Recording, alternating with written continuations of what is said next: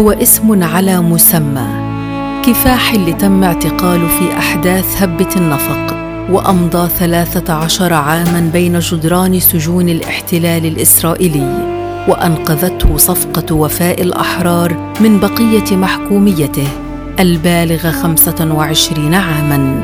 خرج كفاح العارض يستنشق نسيم الحرية لكنه وجد نفسه هنا في سجن آخر. وجد نفسه في غزة حبيسة الحصار.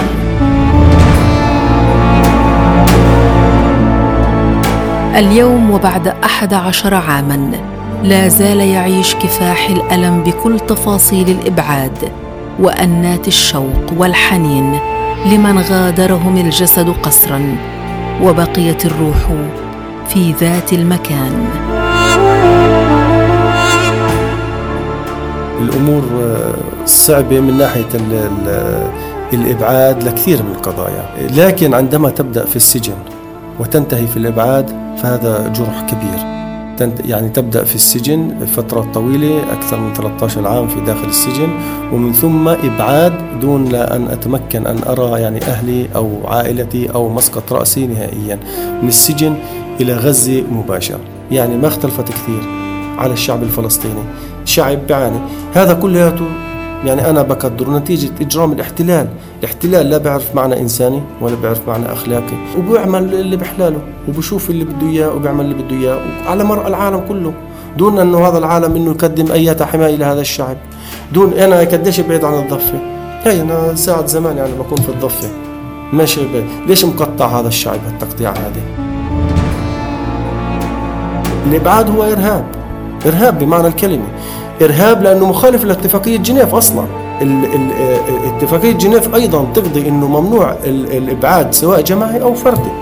لذلك الاحتلال يمارس علينا السجن يمارس علينا القتل ويمارس علينا الإبعاد ويمارس أن يعني يفصلنا عن كمان عن أهلنا وعن مسقط رأسنا حتى في الزيارة المشروعة حتى في الزيارة التي ممكن تكون كل سنة أو كل سنة ونص أو كل يعني فترة من الزمن حتى أيضا هذه الزيارة منعونا منها. لربما يعتقدون أنه يعني ممكن أن يمنعونا من مسيرتنا. فهذا يعني كله صغير أمام فلسطين أمام طريق الجهاد في سبيل الله. إحنا تمكنا هذا الطريق الجهاد في سبيل الله ومنتراجعش يوم عنها. فلسطين أغلى ما نملك.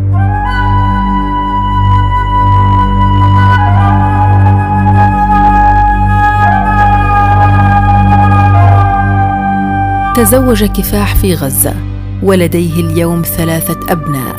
أكبرهم مصطفى. اسم لا يتردد في المنزل بل في القلب أيضا. فهو على اسم أبيه الحاضر في كل تفاصيل حياته.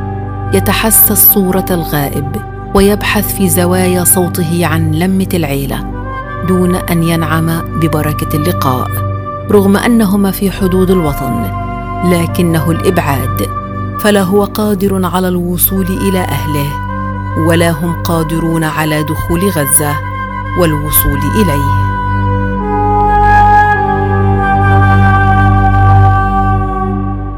وفي غزة كمان أيضا مورس علينا الكثير من الضغوطات بحيث أنه إحنا ممنوع أن نخرج على المعبر. أو أو مدرجين على المعبر إحنا بالأساس تعني الضفة بشكل خاص. الموجودين في غزة المبعدين. مدرجين على المعبر ممنوع يطلعوا حسب الاتفاقية مع الإسرائيلية. وهذا شكل كثير يعني أمامنا الامانه يعني يعني معاناة كبيرة. وبحيث كمان إنه في في غزة أيضا الأهل بيقدروش يصلوا نهائيا. ليش؟ لأنه تم منعهم من الخروج من الضفة على الأردن إذا ما كان بدهم يعني ينزلوا على غزة. فهم بالأساس منعوا أن يخرجوا على الأردن. فالأخوة والأخوات الآن ممنوعين تقريبا أكثر من عشر سنين من يوم تحررت من السجن ما شفتهم مش نهائيا. وقبل لا أتحرر من السجن أيضا ما شفتهم مش نهائيا. يعني عمليا أنا تقريبا من 25 عام يعني أخوي أصغر مني خوات أصغر مني عمليا انفقد الرابط الأخوي بيني وبينهم. لأنه أنا فترة طويلة لم أشاهد صورهم اختلفت صورهم عندي. آه، خواتي يعني اللي أصغر مني كبرن واليوم عندهن أولاد وكذا والى آخره. والله ما بعرف اولادهم ولا بعرف أي شيء. ليش؟ لأنه في سبب الاحتلال. وفيش أي فرصة إني أزورهم نهائيا. أخوتي وخواتي كانوا على على الجسر بيحكوا لهم هاي الملف. بتوقعوا عليه إنه أي واحد بشوف آه، آه، كفاح أو بلد كفيه هو حيرجع لنا على السجن. أو بنرجعوش على الضفة لذلك كل الفرص يعني مغلقة أمامنا. سنوات طويلة. هذه يعني أنا لما بقول لك 25 عام إيش ضل يعني في الحياة؟ ما ضل شيء في الحياة.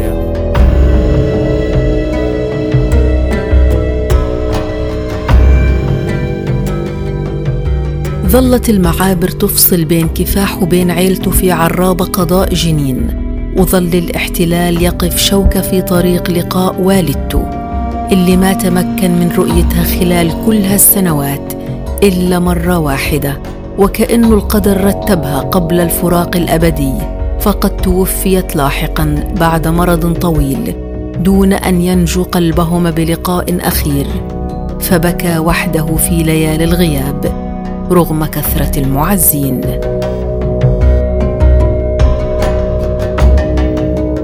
كمان آه، يعني حالة المعاناة الأم اللي أنا بشتكي لها كل يوم توفت هي قبل حوالي ثلاث سنوات دون أن أقدر يعني أعرف حتى يعني أودعها أو إني ألتقي فيها قبل فترة قبل من يعني من وفاتها خاصة أنها بكت يعني شوي مريضة. ومرضها جاء يعني من كثر ما زارتني في السجون كانت تزور في السجون على مدار الوقت وكانت يعني بالنسبة لي مأساة كبيرة جدا فترة طويلة جدا. أنا من 2011 يعني شفتها بس مرة واحدة وبعدها ما شفتهاش نهائيا. وقت ما تحررت. وكانت هي يعني كانت حتى قصة هي قصة كانت حتى قصة يعني حلوة وحزينة وفيها معنوية. أنا لما والدتي طلعت آه، كان أجاها منحة الحج كون ابنها أسير. فقالت لي أنا بديش أروح على بديش أطلع على السعودية على الحج يعني. على أساس في لك زيارة. فبعثت لها آه، حكيت لها لا روحي. اطلعي هناك وادعي لي. ادعي لي انه اشوفك. كانت هذه قصة حتى يعني أبكتنا وأبكت كل الناس اللي كانوا موجودين هناك. فقلت لها ادعي لي إنه ربنا يفك اسر قالت لي طيب إن شاء الله. يعني ممكن أروح والكاك في الدار؟ قلت لها إن شاء الله. فسبحان الله هي طلعت بالفعل يعني أخذت مني وردت علي وطلعت على السعودية على الحج. وربنا شاء في نفس الشهر إنه آه، يصير صفقة تبادل وفاء الأحرار. بال 2011 في 18 10 ومباشرة جينا على غزة تقريبا بعد مش ذاكر بالضبط ممكن 10 أيام أقل شوي لحقنا بالحج لحقونا طلعونا على الحج والتقيت أنا وأمي هناك في السعودية. ما يقرب من أحد عشر عاما على الإبعاد وقبلها ثلاثة عشر عاما في السجون ولا زال الحنين في صدر المناضل الأربعيني مشتعلا. هي أيام لا تعد ومشاعر لا تقاس. البيت القديم الحارة رفقة الطريق مسجد الحي هي أشياء لا تباع ولا تشترى مغروسة في الذاكرة وتمشي في الدم لتعيد الحياة لروح الغائب ولتظل الذكرى تنبض في قلب الرجل المتعلق بمسقط رأسه.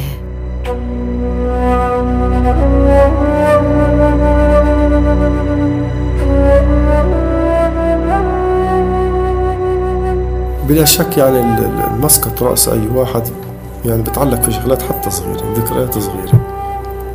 يعني حتى بنتعلق في باب الدار الباب الدار اللي إحنا كنا نفوت ونطلع منه. هذا المتعلق فيه.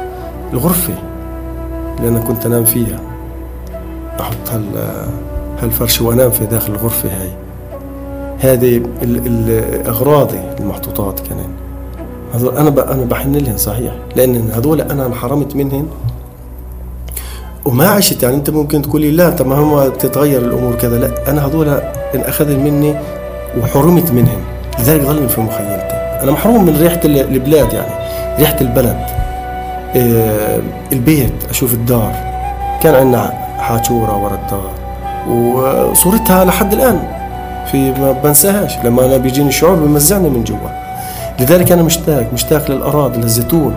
هذه الكعدة في السهل. حتى الكمح وإحنا بنشتغل يعني فلاحين نقصد الكمح في السهول آه، الزراعة كلها بشكل عام. هذه بتعني لي هي الوطني هذا هي وطني. أنا اللي يعني أنا جهدت من أجله. وأنا آه، يعني وهبت حياتي من أجله. وإذا أنا ما رجعت لهوش يكون ابني. يكون أهلي. من شعر بمراره الأسر يشعر بمعاناة الأسرى المحرومين من أبسط حقوقهم فأخذ كفاح على نفسه عهدا ألا يتمتع بملذات منعها الاحتلال عن الأسرى كأبسط أشكال التضامن معهم خصوصا وأنه تجرع من ذات الكأس يوما. أه، وفيش إشي مشتاق له إلا أمي لكن مع هيك ما كانش مؤثر علي كثير زي ما سألتين عن هذه النقطة. أه الأسير في داخل السجن أنا بحكي لك مشتري كرسي الفلافل. كرسي الفلافل الصغير ما بلقاهوش فأنا ف... لما طلعت الأسرى كلياتهم يعني محرومين كثير. ف أحد الشباب بيحكي معي يعني بعث لي. آه، في طريقة ما فأنا كنت قاعد يعني في مكان عام. آه، فبحكي لي بقول لي أنت وين؟ قلت له والله أنا في المكان قال لي شو بدك؟ قلت له بكل شيء قاعد. قال لا بس أنا شام ريحة أكل. أكيد يعني عندك إشي وكذا. قلت له لا. ونزلت مباشرة أنا قمت ونزلت. وحلفت يمين من يومها. ما أفوت مكان. أنا ماخذ على حالي عهد. ما أفوت مطعم ما أفوت مكان زي هذا وفي أسير في داخل السجون. أنا بحرم حالي في يوم من الأيام زي زيهم. هذه مش مجاملات ولا هذا يعني شعارات. لأنه بدي أظل مشاركهم همومهم. بدي أظل مشاركهم أمورهم. مشاركهم كل إشي بفكروا فيه في داخل السجن. أساس أنا برضو ضميري ما يرجعنيش ما يألمنيش. يعني مأكولات مش عارف إيش هذه كلياتها. خاصة المحرومين من الأسرة أنا ماخذ على حالي عهد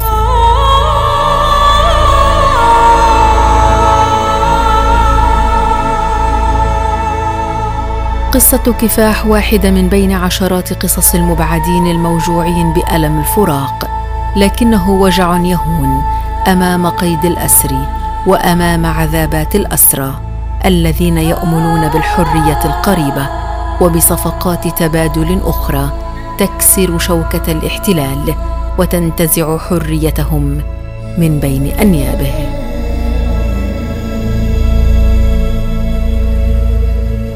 الأسرى في السجون كما ذكرت لك هم عايشين على الأمل. الأمل لا يمكن يغيب عنا ولو ثانية واحدة نهائيا فترة من الفترات أنا يعني كنت فيه كنت أفكر في داخل العزل إنه هل ممكن يوم من الأيام أنا أطلع؟ هل هل يمكن إنه يوم من الأيام إنه نطلع بفعل المقاومة؟ إحنا كنا نسمع عن صفقات وخاصة يعني اللي مرك علينا قبلها اتفاقيات سلام. آه، حزب الله مثلا يعني عمل آه، أخرج أكثر من صفقة وإحنا في السجون. سمير القنطار كنا إحنا وياه في داخل هدريم و... وتم يعني يعني إخراجه من السجن بفعل المقاومة. لكن ما كان عندنا تخيل إنه يكون هناك صفقة فلسطينية فلسطينية وتم إخراجنا في عزة في كرامة وكانت طلعة مشرفة وكذا وإلى آخره لكن كثير من الأخوة في داخل السجون آه ارتفعت معنوياتهم قالوا آه حتطلع في يوم من الأيام. هذا الأمل اللي, اللي زاد في في موضوع الاسرى نأمل إحنا كل يوم إنه يصير آه يعني المفاوضات هذه ما تطول آه من أجل إخراج يعني التبادل أو آه يعني إبرام صفقة تبادل مع هذا المحتل وإخراج أسرانا. بنامل يوميا إنه ما تزيد معاناة أسرانا. لكن بالآخر نعرف أن هذا الاحتلال هو هش كما قال محمود العارضة وهم من غبار ويمارس علينا كل هذه يعني علينا هذا الإرهاب وبالتالي نحن ماضيين بإذن الله لتحقيق الحرية.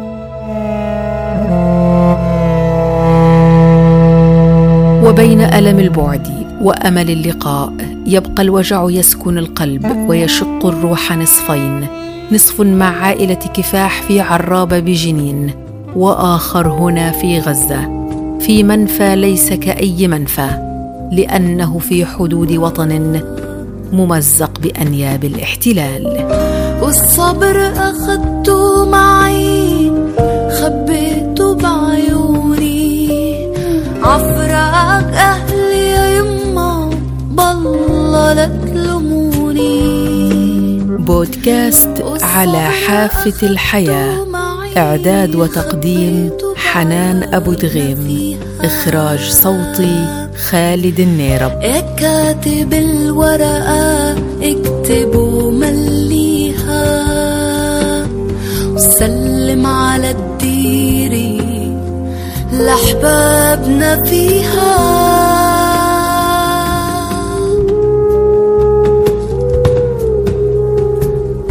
أمسى المسايا